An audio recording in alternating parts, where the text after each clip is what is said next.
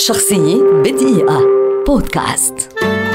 وسيني الأعرج جامعي وروائي جزائري ولد عام 1954 ويعتبر أحد أهم الأصوات الروائية في الوطن العربي حاليا. ويشغل اليوم منصب أستاذ كرسي في جامعة الجزائر المركزية وجامعة سوربون في باريس. على خلاف الجيل التأسيسي الذي سبقه تنتمي أعمال واسيني الذي يكتب باللغتين العربية والفرنسية إلى المدرسة الجديدة التي لا تستقر على شكل واحد وثابت بل تبحث دوما عن سبلها التعبيرية الجديدة. الجديدة والحية بالعمل الجاد على اللغة وهز يقينياتها. إن قوة الأعرج التجريبية التجديدية تجلت بشكل واضح في روايته التي أثارت جدلا نقديا كبيرا والمبرمجة اليوم في العديد من الجامعات في العالم. الليلة السابعة بعد الألف بجزئيها رمل المايا والمخطوطة الشرقية. عام 1997 اختيرت روايته حارسة الظلال ضمن أفضل خمس روايات صدرت بفرنسا كما حصل خلال مسيرته على جوائز عديدة منها جائزة الرواية الجزائرية جائزة الشيخ زايد للكتاب جائزة أفضل رواية عربية عن روايته البيت الأندلسي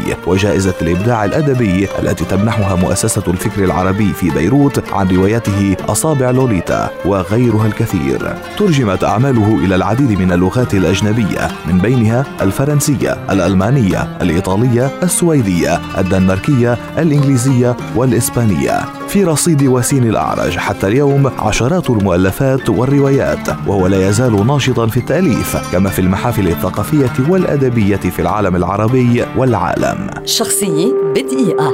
بودكاست.